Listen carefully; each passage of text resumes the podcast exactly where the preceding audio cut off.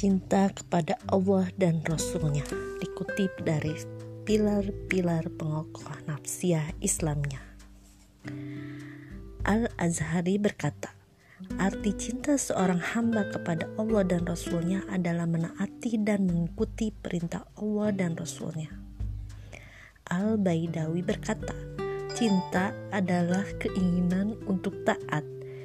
Ibnu Arafah berkata, Cinta menurut istilah orang Arab adalah menghendaki sesuatu untuk meraihnya.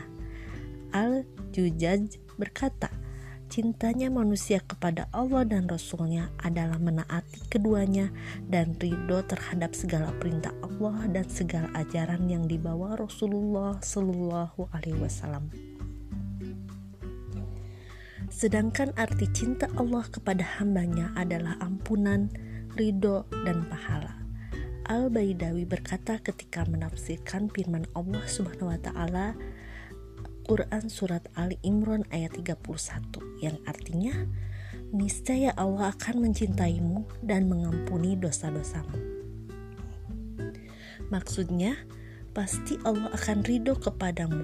Al-Azhari berkata, cinta Allah kepada hambanya adalah memberikan kenikmatan kepadanya dengan memberi ampunan Allah berfirman dalam Quran Surat Ali Imran ayat 32 Sesungguhnya Allah tidak mencintai orang-orang kafir. Maksudnya Allah tidak akan memberi ampunan kepada mereka.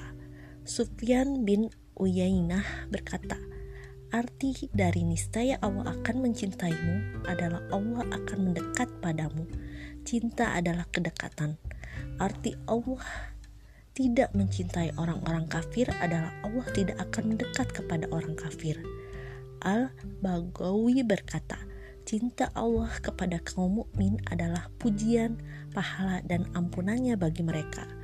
Al-Jujaj berkata, cinta Allah kepada makhluknya adalah ampunan dan nikmatnya atas mereka dengan rahmat dan ampunannya serta pujian yang baik kepada manusia. Masya Allah